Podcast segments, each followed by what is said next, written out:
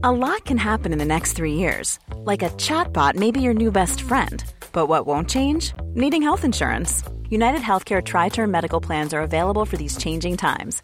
Underwritten by Golden Rule Insurance Company, they offer budget friendly, flexible coverage for people who are in between jobs or missed open enrollment. The plans last nearly three years in some states, with access to a nationwide network of doctors and hospitals. So, for whatever tomorrow brings, United Healthcare Tri Term Medical Plans may be for you. Learn more at uh1.com.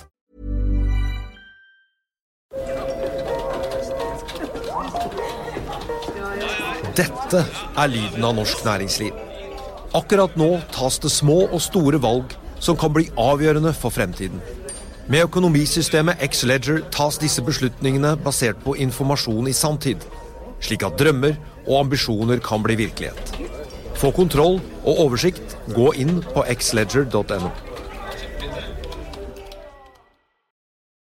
Denne sendingen er sponset av Xleger.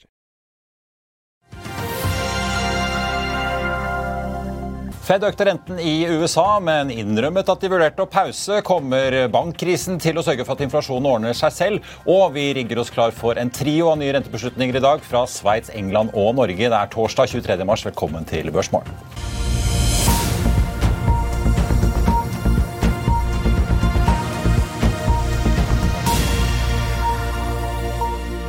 En riktig god morgen alle sammen, og velkommen til oss her i Børsmorgen og Finansavisen. Mitt navn er Marius Mai Sorensen, og med meg har jeg aksjekommentator Karl Johan Molnes. Direkte inne fra Smestadammen her i Oslo. Vi har med oss investor og får vi si, ja, famøs aksjeplukker Peter Hermanrud, og investor styreleder og tidligere sentralbanksjef Svein Harald Øygard. Og de er med oss om eh, to strakser. Vi må bare se kort på markedet aller først, og litt på reaksjonene på Wall Street i går da, etter rentebeslutningen og ikke minst pressekonferansen til Jerome Powell i går ettermiddag amerikansk tid. Aksjene eller aksjemarkedet får vi si, pekte først oppover, men snudde så ned etter hvert. Rentene falt også bratt ja, i de første sekundene etter at rentebeslutningen var ute. Ja, Vi så toåringen falle rett ned til 3,93, og så suse over 4 igjen. Tiåringen under 3,5 før den også økte igjen. Så får vi jo da si at eh, Wall Street endte ned ganske bratt mot slutten av dagen. De tre store indeksene endte alle på minus 1,6, med SMP ned nesten 1,7. Oslo Børs i dag, eh, der er det jo da ventet en svak nedgang på mellom mellom 04 og 02 fra DNB og Nordnett da, etter den svake oppgangen vi så i går. I Asia i natt og i morgentimene så har vi sett at eh, det startet i rødt, men har hentet seg noe inn, så det ser ikke ut til at markedene har blitt aller altfor mye skremt av nyhetene fra Washington. Både Hang Seng og Shanghai er i pluss svakt, mens Nikkei endte svakt Eh, ned. Oljeprisen også litt opp nå. Nordsjøoljen på 76 dollar fatet blank i spotmarkedet. Den amerikanske lettoljen VTI igjen over 70 dollar faktisk, til 70 dollar og 20 cent. Vi får også ta med Edda Wind dropper reparasjonsemisjonen etter at de altså hentet 1,2 milliarder på 25 kroner aksjen litt tidligere i år. Den droppes jo da fordi aksjen handlet under emisjonskurs. Og så er det jo Horisont Energi som også er verdt å følge med på. Varslet i går at de nå nedjusterer planene sine på Barents Blue ammoniakkprosjektet i Finnmark fra 3 til 1 Eh, ammoniakktog, noe som kutter kraftbehovet fra 105 til rundt 40 megawatt. Årsaken er at Statnett har da avslått søknaden om så mye kraft, og Horisont legger til at også er andre årsaker til at de da nedjusterer prosjektet i denne omgang. Vi får ta med at uh, selskapet fikk mye juling på børs tidligere i år, da det ble klart at Equinor og Vår Energi takket for seg og forlot prosjektet, og at da den spanske ammoniakkprodusenten Fertiberia kom inn i stedet. Det noe også ute med tall i dag. Produksjonen på Perskabir-feltet ble tidligere i mars redusert fra rundt 60 til 43 000 fat eh, per dag for vedlikeholdsarbeid. Nå er dette fullført, og DNO venter å gjenvinne full feltproduksjon innen utgangen av april. De beholder altså 2023-guidingen sin på 100 000 fat dagen for eh, tåkelisensen. Så får vi ta med da at Sparebank Markets eh, i går ettermiddag oppgraderte anbefalingen på DNO fra hold til kjøp og satte kursmålet på 15. Den endte i går på 11,38. Så har Selvo Bolig snappet til seg Sandslihaugen 30 i Bergen fra DNB Scandinavian Property. Eiendommen er i dag bebygget eh, med Equinors tidligere kontorer i området. Vi skal ta med dagens gjester og er tilbake rett etter dette. Vil du bli oppdatert på det viktigste som har skjedd innen finans og næringsliv? Da er det bare å følge med, for hver morgen er jeg, Marius Lorentzen og aksjekommentator Karl Johan Malnes på plass i studio for å ta tempen på dagens marked i Børsmorgen. Og hver ettermiddag oppsummerer vi alt du trenger å vite i økonominyhetene, og det blir selvfølgelig masse interessante gjester. Klikk deg inn på fa.no-tv, eller søk opp Børsmorgen og Økonominyhetene der du hører på podkast.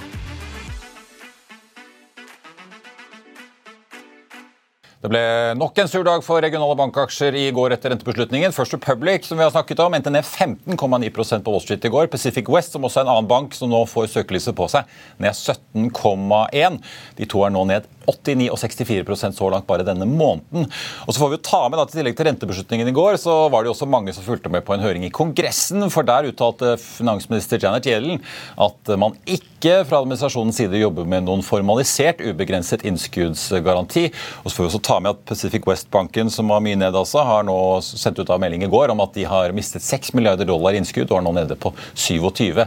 De sier det ikke er aktuelt å hente mer penger nå fremover. Markedet er for volatilt, og de har også andre tilgjengelige kilder, sier de. Får ta med at de store bankene som JP Morgan og Bank of America også hentet noe ned i går. Da skal vi ønske velkommen til Petter Hermanrud og Svein Harald Øygard og Karl Johan med oss på morgenkvisten. Skal vi begynne med Federal Reserve, dere. Hermanrud, hadde du ventet en kvarting? Eller det var det de, de skulle... fleste hadde ventet. Jeg har, har, ikke egentlig noen egen meninger utover at jeg ser at a, a, det virket logisk, det andre sa. Ja. Så det var, det var, jo, omtrent akkurat det folk tippet. Men, men var... noen, få det, noen få trodde at det ikke skulle øke, men de fleste trodde på dette. Men Trodde du at den bankrunden og de bankkollapsene vi har sett, ja, det, skulle føre til at nå Ja, det, de hadde jo tatt 50 punkter. altså Det var iallfall ja. sant? Eh, men, men, selvfølgelig at nå får du en automatisk innstramming av kreditt uansett, sannsynligvis pga. det som skjer på banksiden, og da er det rimelig å ta mindre.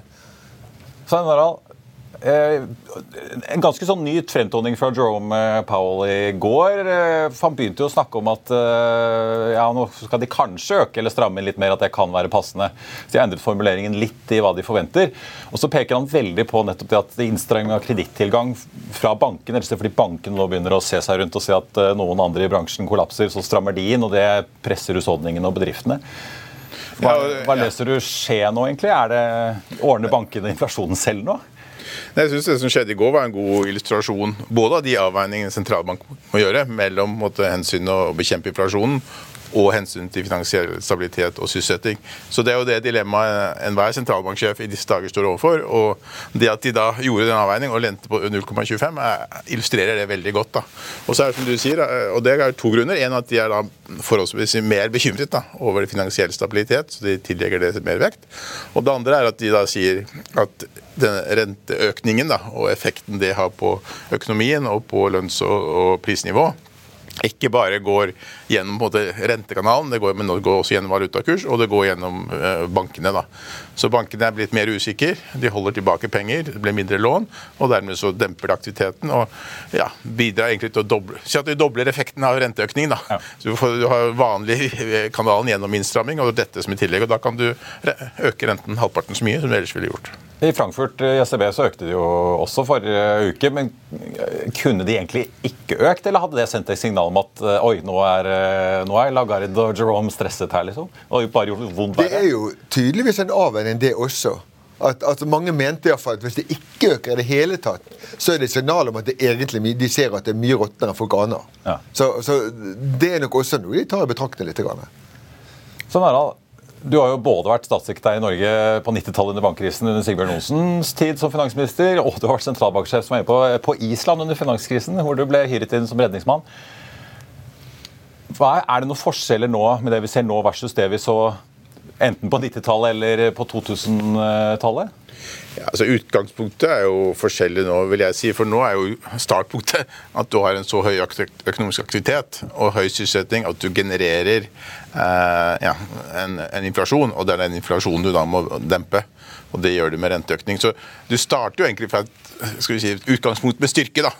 Og ikke sånn som du delvis hadde i 2007-2008, hvor du startet med et utgangspunkt av svakhet. Så det er den ene forskjellen. Det som kanskje bekymrer meg mer nå enn, da, det er jo at eh, det, rundt i systemet da, for sånn, så finnes det veldig mange veldig tungt belånte strukturer. da, ikke sant? Fordi at renten har vært så lav, fordi at det har vært sånn tilgang på kapital, så er det veldig mange ikke sant, oppkjøpsfond, øh, råvarefond, til og med banker som har brukt denne muligheten, eiendomsfond, til å låne seg veldig hardt opp, og hvor den høye belåningen er egentlig kjernen i forretningsmodellen. Klart at de, ja, de er veldig utsatt, da. Uh, ja, da tenker du ikke bare på børsnoterte selskaper eller store selskaper som sådan, men Nei, kanskje mindre, SPV-selskaper. Vi Ja. har jo sett noen eiendomskonstruksjoner i Norge begynne å slite allerede med økte renter. Ja, og det mindre de børsnoterte. For det, nå blir det litt teknisk, men det, det som har skjedd, er jo at det, har vært veldig mange år med lav inflasjon. Og hvorfor har det vært? En grunn til det har vært for at det, det, det har ikke vært en tilstrekkelig investeringsvilje da, som har gjort at du har fått mobilisert den kapitalen folk har ønsket å spare. Og de som ikke har villet investere, det er de store, seriøse selskapene. Ikke sant? Eh, Yara, Hydro, eh, Equinor ligger jo med veldig veldig lave låneandeler. Og så er de investeringsmulighetene de tatt, de er blitt plukket opp av det, oppkjøpsfond og eiendomsfond og investeringsfond som har ligget med ekstremt belånte strukturer. Mer utenfor børs enn på børs. Eh, og de, mange av disse er nå utsatt. da. Og klart, Hvis de faller, så vil jo det slå tilbake på bank, bank, bankene. da. Så jeg måtte jo finne fram boka mi da, fra 2000 og, om krisen sist, og nå i helgen, og se Okay. Ja, for Du skrev jo bok om din tid. Ja. ja. Jeg skrev det et, som sentralbanksjef da, på, altså på finanskrisens slagmark. Og Da beskriver jeg jo hele jeg si, perioden opp til fallet. da. Og da fant jeg faktisk at det som skjedde nå, sant, med, med de første kollapsene med, med eh, ubegrenset likviditetstilførsel med dollarbytteavtale, det skjedde i august 20, 2007. Altså ett år før det store fallet. Å, det Så jeg kunne bare sitte og sånn tikka. ok, Nå skjedde det, nå skjedde det, nå skjedde det. Og det, jeg ble jo litt mer urolig av det, og ikke mindre urolig. Ja, for Petter, Peter, Det var jo rett etter Credit Suisse ble nesten sånn tvangsgiftet med UBS. Så Ja. kom jo da Federal Reserve, SEB, Ja, ja. Bank of England, hele gjengen, Bank of Japan, og snakket Ja. om nå skal det øke dollarlikviditeten globalt. Ja, ja. Ja, altså jeg synes jo i forhold til, Hvis du tenker paralleller i forhold til 2007, så sier Svein Harald det er jo veldig ulik 2008, men det er ganske likt 2007. Altså Hvis du tenker på det Jeg merker det går så kaldt nedover ryggen der nå. Det, 2007, når disse går kong, så er det jo økonomien fortsatt sterk, men, det begynner, men renten har gått mye opp fordi det går litt for fort. Og der er vi jo i dag også. sant? At det, det er bare dette har gått litt for fort, og så er renten opp. Men det, eneste nye nå er at denne gangen er det ikke bare at man frykter inflasjon, men at inflasjonen er her allerede. Så vi er kommet litt lenger i, i det ubehagelige med inflasjonen. Så, så det, det, det er ikke Jeg liker ikke en sammenligning helt. Men jeg, jeg, jeg, jeg kalte deg aksjeplukker, eh, og det er jo eh, holdt jeg på å si, Du har jo blitt vunnet priser for dette her. Er du enig Jan, eh, med Svein Harald i det at det er ikke så ille på de børsnoterte at der er belåningen mindre? altså, det er helt riktig, man må i disse SPV-strukturene Ja typ, eller Det- oppkjøpsfond. Ja, altså Det er helt riktig at på Oslo Børs for eksempel, sant, så er det jo veldig lav gjeldsandel. Altså, det er helt over, altså, historisk superlav gjeldsgrad. Men det er ikke all altså, du nevnte, sant? i Norge så har vi disse special purpose vehicles på eiendom. Sant? Eh, I Sverige så har du det børsnoterte sektoren, som er kjempebelånt. De har strukket opp alle muligheter til å låne maksimalt til null rente. Og selvfølgelig er den sektoren i ferd med å få et kjempeproblem når renten går opp, og det har jeg snakket om før, men det problemet er ikke blitt mindre. Ja, og Sverige, unnskyld, Sverige blir jo et drama. Altså, de har jo en inflasjon som tikker av gårde på 10 eh, og helt åpenbart at de ventet for lenge da, med å begynne å sette renten opp. Og så har du som du sier, tungt belånte strukturer både altså, i boligmarkedet og i eiendomsmarkedet. Så, så Sverige kommer til å bli en gysare eh, å følge med i tiden framover, for å si det sånn. Dessverre for våre svenske venner. da. Ja. Og du ser jo allerede nå, ikke sant? Nå venter jo markedet en veldig renteøkning, og den svenske kronen har gått eh, ja, opp så veldig kraftig, fordi at man venter at de virkelig flesker til. Da. Eh, Og de hadde jo f.eks. over 20% prisstigning på mat de siste tolv måneder. og det er klart, ja, Det går ikke an, og da kommer de med rentevåpenet og inn i en økonomi som ikke tåler det. Så en gysere. Eh, er det et taktskifte? Altså litt av, kommer liksom kredittilgangen til å gjøre jobben for sentralbankene? da? Ja, men, men ikke før at det er mer smerte. og det, det er klart det er problemer i europeisk bankvesen. Vi har hatt det med Credit Suisse og Deutsche Bank i 15 år, så det er ikke noe nytt. Og nå når UBS kjøper Credit Suisse, så er jo bankens størrelse jo to ganger Sveits BNP. Så det er, eh, her må man skru dette fra hverandre på en veldig forsiktig måte for å unngå at det skaper store problemer. Men USA er ikke noe problem, for du har veldig sterke banker. Det hadde ikke du i 2008. Så de innskuddene som går ut fra de svake bankene, går jo til de sterke bankene. Det blir ikke borte. Så det, kjernen i den kapitalistiske økonomien vil bli bevart, fordi at bankene i USA er veldig sterke. Men de har ikke lyst til å ta over disse bankene. For altså, JP Morgan, 300 000, ansatte, 300 000 ansatte. De har ikke lyst til å begynne å legge til og er store i, Texas og i, i, New York. De har ikke lyst ut i vest, homeless og alt dette. her. Det kan de holde, det kan de holde for seg sjøl. Det har vært mye hete penger eh, fra venture og uh, fra private equity out west. Og det er jo også en del av bobla som sprekker. At disse bankene sprekker, og at det har vært veldig mye løse penger der ute. Ja. Men nå ser vi, så Jerome Powell ga jo ledelsen i Silicon Valley Bank det glatte lag i pressekonferansen i går. Så åpenbart at han vil i hvert fall få frem at de mener at dette er enkelttilfeller. Uh, Men så ser vi da Pacific West går ut og sier 6 milliarder dollar innskudd ut, nå sitter den med 27 ikke veldig hensiktsmessig å hente penger i kapitalmarkedet fordi det er så volatilt? Det, det beste med, som samfunnet kan ta ut av Silicon Valley, er at de ansatte mener at work from home var årsaken til krisen. Altså Hvis du da kan bruke det som mandat til å tvinge folk tilbake på kontoret, så er det bra for kontorutleie. Og det er noe man trenger. Jeg hadde besøk av Morten Malsensen i Finanstilsynet her i går. Eh, to bekymringer. Alltid selvfølgelig nordmenns eh, boliggjeld. Det andre er fundingen for norske banker. At uh, kanskje som i 2007-2008, at hvis det markedet bare tørker opp, så får norske banker også problemer. Selv om det kanskje ikke blir akutt, er det en bekymring for Norge hvis nå risikopremiene legges på, det blir bare dyrere og dyrere for dem å finansiere seg? Jeg tror at de norske bankene er de aller siste som får problemer. i hvert fall. Altså, altså Baltersen har gjort en kjempejobb. for det, Vi har faktisk klart å sørge for at bankvesenet har egenkapital, ikke bare på papiret. Sant? Men selvfølgelig, altså, du kan mye mer om det. Men blir det ille nok, så får alle banker har funnet problemer. Så må staten strø til. Men, men, men, for det første, norske banker er mer solide enn andre banker. Og den norske stat er mer solid. Så, så hvis vi får problemer, så er det et fryktelig tøft ute i resten der. Men, Men se heller på altså jeg nevnte Sverige igjen. Altså. Se heller på svenske banker. De har riktignok en høyere sånn offisiell CET1, men faktum er at leverage ratio, som viser hvor mye egenkapital det er i prosent av balansens størrelse, som er det rimelige målet, er jo veldig mye lavere enn i Norge, bare. Og så er det en mye mer forgjeldet eiendomssektor. De har vært mye villere på rentesettingen. Eh, eh ja, men altså, jeg forklarer, klarer da markedet å skille mellom Sverige og Norge når man sitter da i London eller New York eller nei, Singapore det, og tenker at ja, men DNB det er mye mer solid enn uh, et eller annet annet? Nei, uh, det er jo helt, altså, det er, altså, det er jo helt klart erfaring at det klarer ikke utlendingene. da. De skiller ikke en krone og en krone. Uh, og et nordisk land er et nordisk land. og ja, Jeg var jo selv med da svenskene devaluerte i 1992. Så kom det en rush mot norske kronen si, dagen etterpå.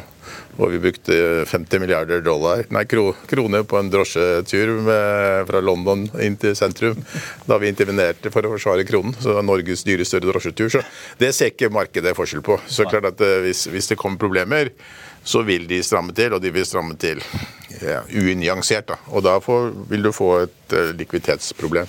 Så har jo selvfølgelig Norge sterke institusjoner, vi har store reserver i Norges Bank, uh, flinke folk. Så det klart, de vil jo kontre det, og det har vi muskler til å gjøre. Så, så, så, det er kanskje litt mindre. Det er også litt kanskje mindre enn Baltersen opptatt av boligsiden. Men jeg vil nok heller ha oppmerksomhet på kall det på næringssiden. da, eh, hvor, hvor det, er belånte strukturer. og Uten å begynne å skremme for mye, men eh, da vi hadde vår norske bankkrise, så var det jo det var på næringssiden man hadde tapt. ikke sant? Bankene, Halvparten av balansenes balanse er utlånt til bolig, halvparten er til eh, næring. Hadde ikke tap på bolig, men de tapte 12 på, på ja, næringseiendom og eiendom. Og Da er det ikke nødvendigvis bare næringseiendom, det er også bedrifter? Ja, det var jo alt mulig. Der var det jo sant, trålere i, i, Seattle og ja, restauranter og forretningsbygg på, oppe på Lørenskog. Jeg kan se for meg hva man Dette er lyden av norsk næringsliv. Akkurat nå tas det små og store valg som kan bli avgjørende for fremtiden. Med økonomisystemet X-Leger tas disse beslutningene basert på informasjon i samtid, slik at drømmer og ambisjoner kan bli virkelighet. Få kontroll og oversikt, gå inn på xledger.no. Denne episoden er sponset av van Brun, en fremtredende smykkeforhandler kjent for sitt brede utvalg av forlovelsesringer, gifteringer og diamantsmykker som bæres og elskes i generasjoner. Et frieri er en av de største øyeblikkene i livet, hvor forlovelsesringen er et tidløst symbol på kjærligheten. Ring krever omtanke for både hvilket metall og diamant, med et bredt spekter av både naturlige og labdyrkede diamanter, og metaller som platina, gult gull, hvitt gull og roségull hjelper de deg med å sette et personlig preg på din kjærlighetshistorie. Van Brun vil gjerne invitere deg til å prøve på tre av dine favorittringer fra nettsiden helt kostnadsfritt. Du kan også låne et bredt spekter av frieriringer, slik at du og din forlovede kan velge en ring sammen etter det store ja. Van Brun tilbyr 90 dagers åpent kjøp og 90 dagers gratis størrelsesjustering. Utforsk deres eksklusive sortiment i luksuriøse omgivelser. Bok en konsultasjon sammen med en diamantekspert i deres showroom i Oslo. Eller online på vanbrun.com. V-a-n-b-r-u-u-n.com.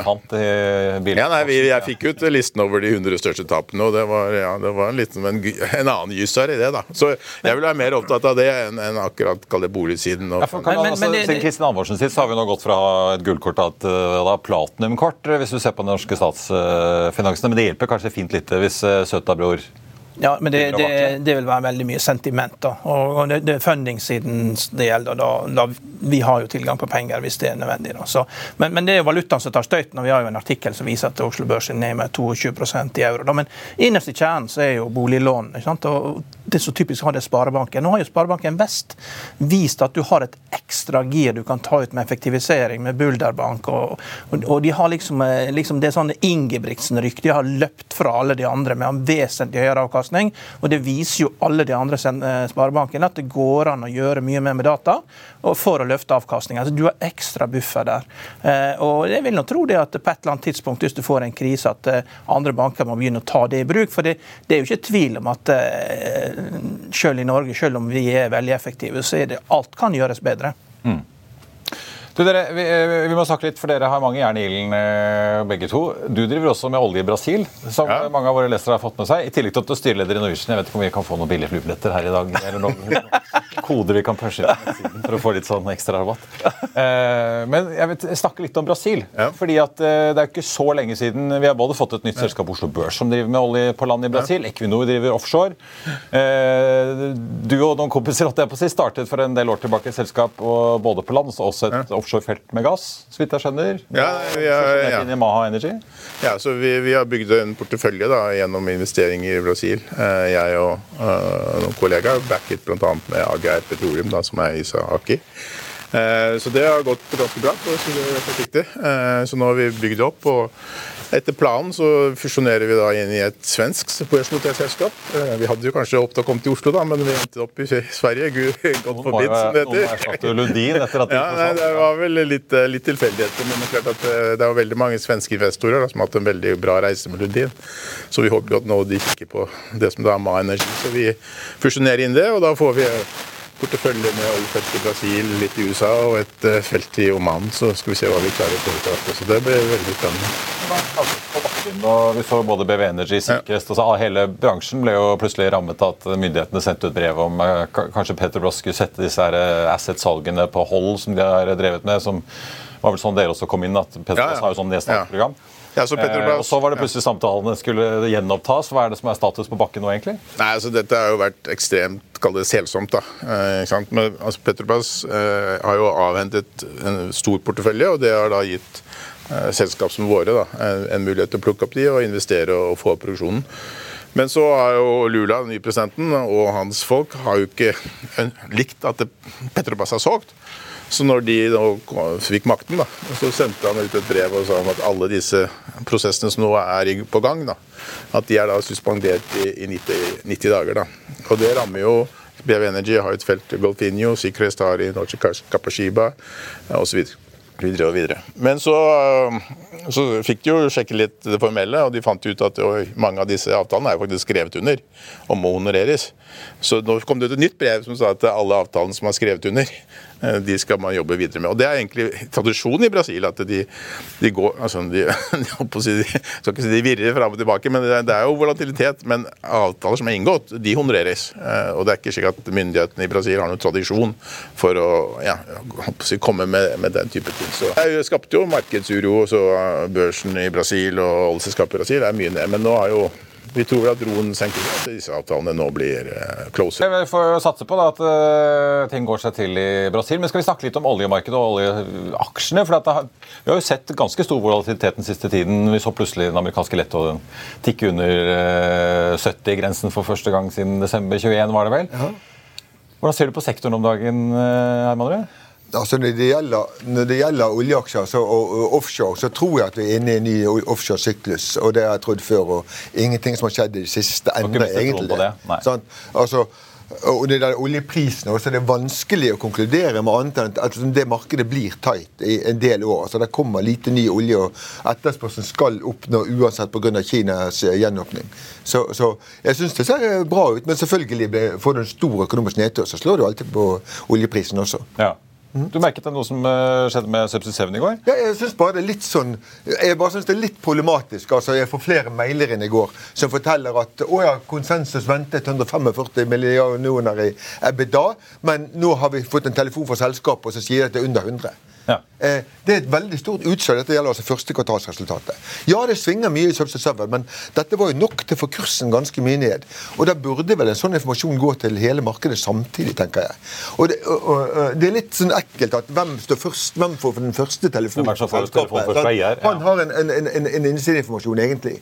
Eh, syns jeg iallfall man kan definere det som. Ja. Eh, og det gjelder ikke egentlig bare Subsea 7. Dette er en praksis i markedet som er litt sånn farlig at selskapene, altså Noen store selskaper i Norge sender ut en, en melding bare med alt. på en måte, Eller en, en call, Wilhelmsen har en call med, hvor de inviterer alle analytikere inn. Men liksom det at du skal ringe rundt én og én, det er litt, uh, litt men, men det, bra uheldig i forhold til innsideregler. Det, dette har jo pågått i 20 år. Mine danske og finske kollegaer de brukte jo å si at nå er det et norsk resultatvarsel på gang her. Det er jo når en aksje faller med, med 4% uten at det er en melding. Ja. I alle andre markeder, hvis en aksje faller med mer enn 2-3 så får man vite hvorfor, og alle får vite hvorfor eh, ja. på en eller annen måte. Ja. Og Det er jo en annen aksje som vi følger veldig nøye. Rex Silicon falt jo mm. uh, silently ned med 5 i går. Mm. Skled bare nedover. og mm. Nå er den tilbake der den var når den gode nyheten om banklånet kom. Så der også er jo det helt klart informasjon på avveie, men man vet jo ikke hva det er. Mm.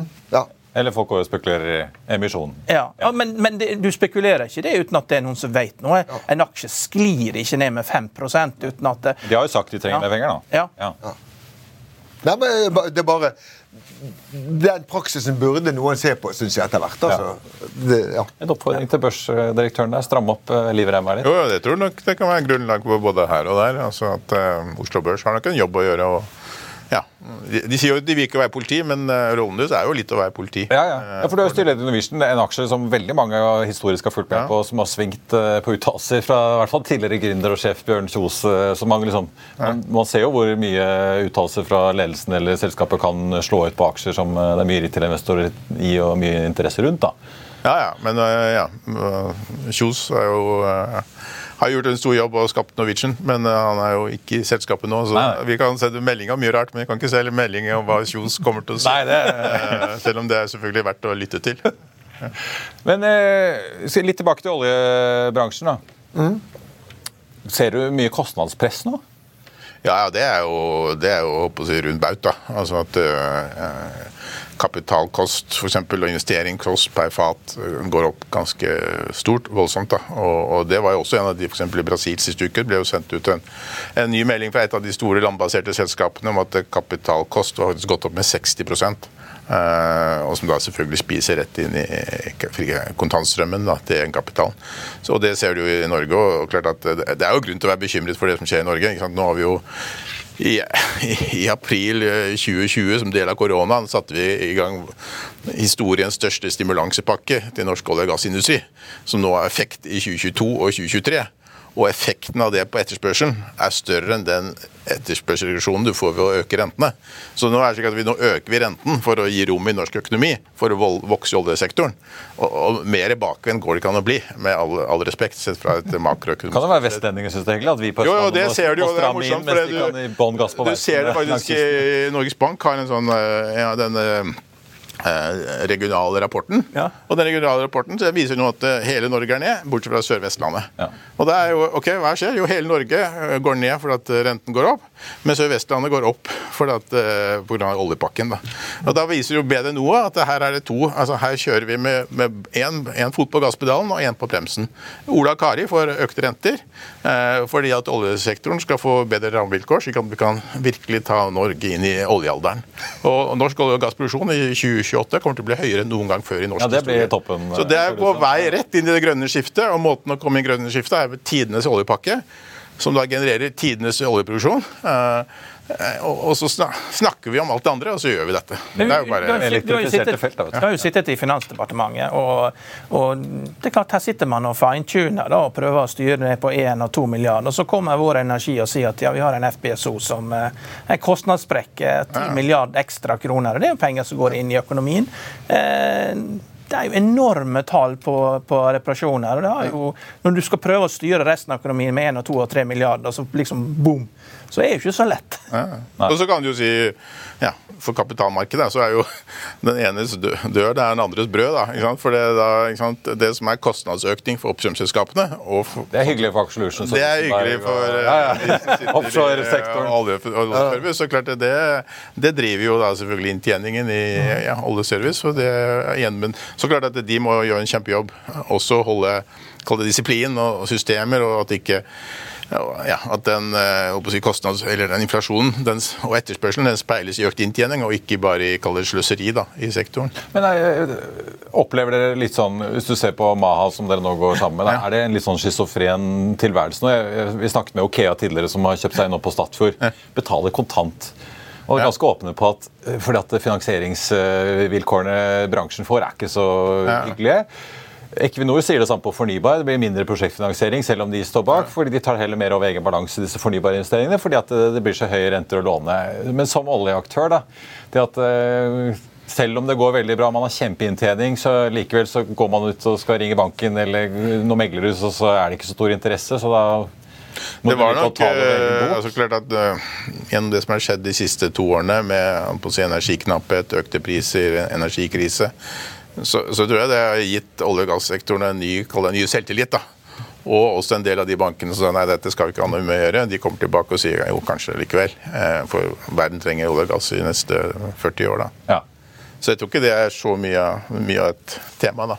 Men er du mer på ja, leverandører og offshoreselskapene nå enn på oppstrømsaksjene? Ja. Ja. ja, så, ja det har jo vært et, jeg mener det har vært et ganske tydelig trendskifte omtrent etter Ukraina. Altså, hvor, hvor, oljeselskapene først skulle de bare returnere cash til aksjonærene sine. Eh, da skal du sitte på oljeaksjene og ikke leverandørene. Og så begynte de å investere. De sa at de ikke skulle investere, men de begynte å investere allerede etter Ukraina. Men nå begynner de endelig å være åpen på at de skal begynne å øke mer. De skal lete mer, også i helt nye områder. De skal lete mer, de skal bygge ut mer, og alt sammen. Eh, så nå er du inne i en fase hvor mer av kontantstrømmen for oljeaksjeselskapene går til eh, oil service og mindre til utbytte relativt sett. Mm. Og I den fasen tror jeg du skal være i oil service og ikke olje. Vi har hørt TGS og PGS. TGS-sjefen har jo her snakket om hele stripa på langs med Atlanteren og på begge sider takket være Giana. Funnet Exxon var jo kjempehot om dagen. Ja. Ja, det, det, det, skjer ting. Men når vi har Petter her, han er jo kjent, verdenskjent for å ha en aksjemodell som fungerer. og Det er jo prisbokmodellen. Og Den har fungert i Norge i alle år. Og Det var vel starta mest fordi det var for mye gjeld i norske selskap, så det ble veldig vanskelig å analysere. Og Da fant du ut at kjøper man rundt prisbok 1 eller 1,1 og selger når det nærmer seg 3, så, så, har man en utrolig enkel modell. Jeg hørte Kristen eh, Ringnes sier han bruker modellen, mm. og, og, den fungerer. og det, I andre land så fungerer ikke den så bra, for der får man avkastning og høyere prisbok. Vi sløser hele tida bort så mye penger at vi alltid havner ned igjen på prisbok. Men er det, når du nå slutter, har du lisensiert ut modellen til noen andre, eller? For den funker jo. De oppdager, oppdaterer den fortsatt i Sparebank1 Markets. Ja, altså de, de oppdaterer den, sender den ut. Så, og sant å si, så holder jeg på å oppdatere, jeg også. Ja.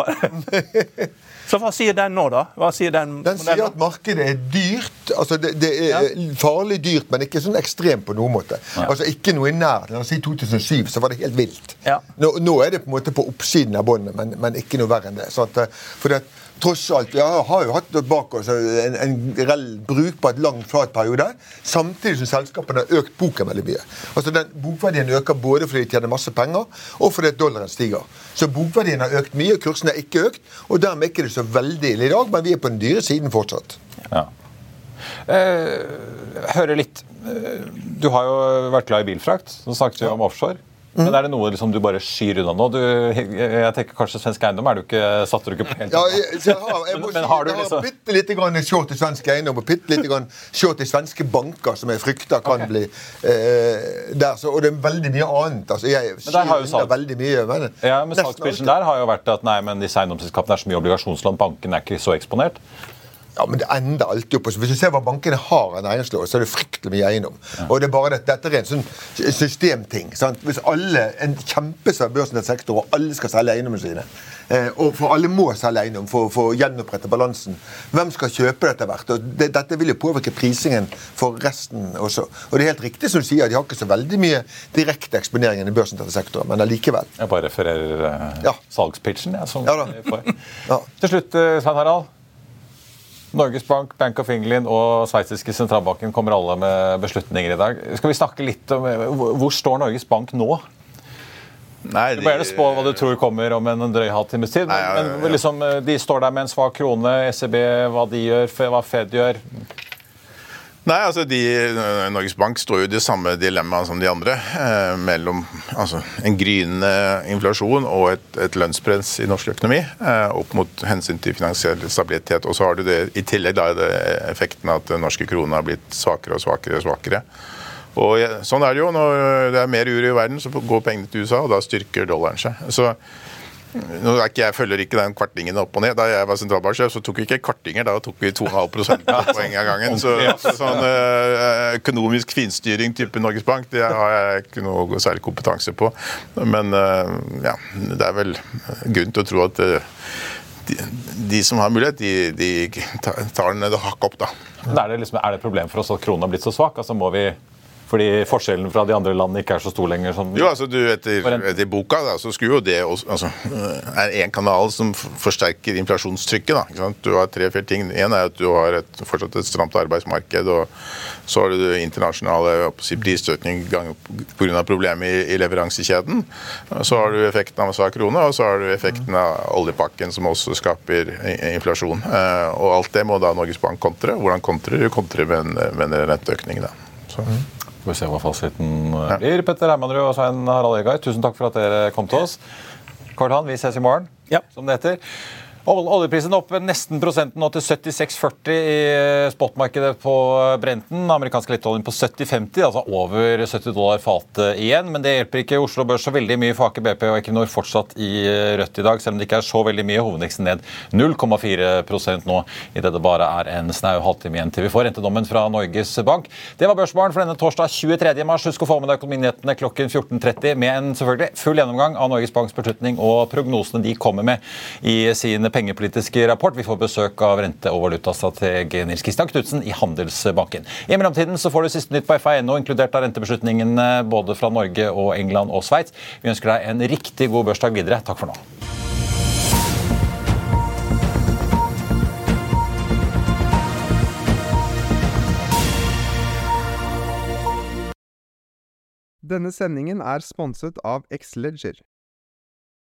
Økonominyhetene er en podkast og videoproduksjon fra Finansavisen. Programleder er Marius Lorentzen. Aksjekommentator er Karl Johan Molnes. Produsent er Bashar Johar. Podkast- og videoansvarlig er Marius Mørk Larsen. Og ansvarlig redaktør er Trygve Hegnar.